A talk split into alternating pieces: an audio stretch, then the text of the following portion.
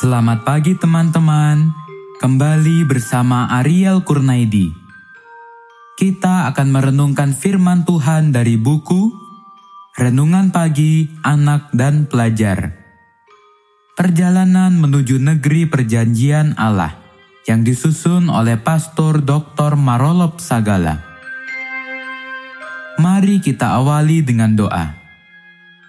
Bapa kami di sorga, kami akan belajar firman-Mu. Tolong kami supaya firman-Mu menjadi tuntunan bagi kami hari ini. Dalam nama Tuhan Yesus kami berdoa.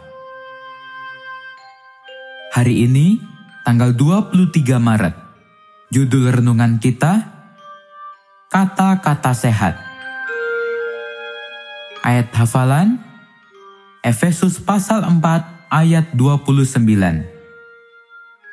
Jangan mengeluarkan perkataan yang busuk daripada mulutmu, melainkan barang apa yang baik akan meneguhkan iman sebagaimana yang perlu, supaya ia tahu memberi berkat kepada orang yang mendengarnya.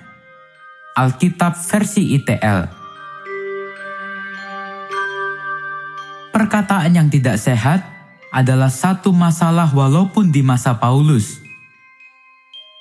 Dia mengingatkan Kristen di Efesus bahwa mereka harus menjauhi kegeraman, kekotoran, fitnah, dan perkataan cabul dari hidup mereka sebagaimana dicatat dalam Efesus pasal 5 ayat 4, juga Kolose pasal 3 ayat 8.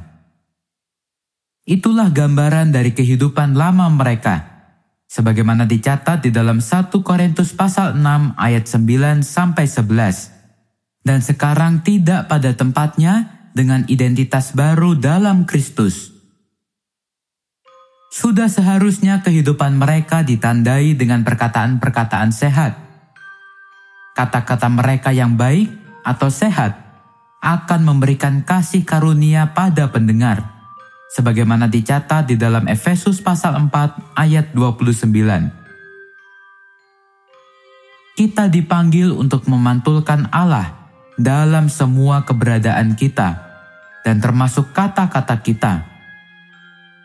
Kiranya mulut kita dipenuhi dengan ucapan terima kasih dan kata-kata kita berguna bagi orang lain. Kita membutuhkan pertolongan Roh Kudus untuk menjaga hati dan pikiran kita hari ini. Kita memerlukan Dia untuk menolong kita mengendalikan pikiran dan perkataan kita. Hanya oleh pertolongan Roh Kudus, kata-kata kita akan menjadi sehat dan memberikan semangat kepada orang lain. Itulah ciri-ciri dari orang-orang Kristen. Pelayanan ini dipersembahkan oleh keluarga Pendeta Kurnaidi. Semoga menjadi berkat untuk kita semua.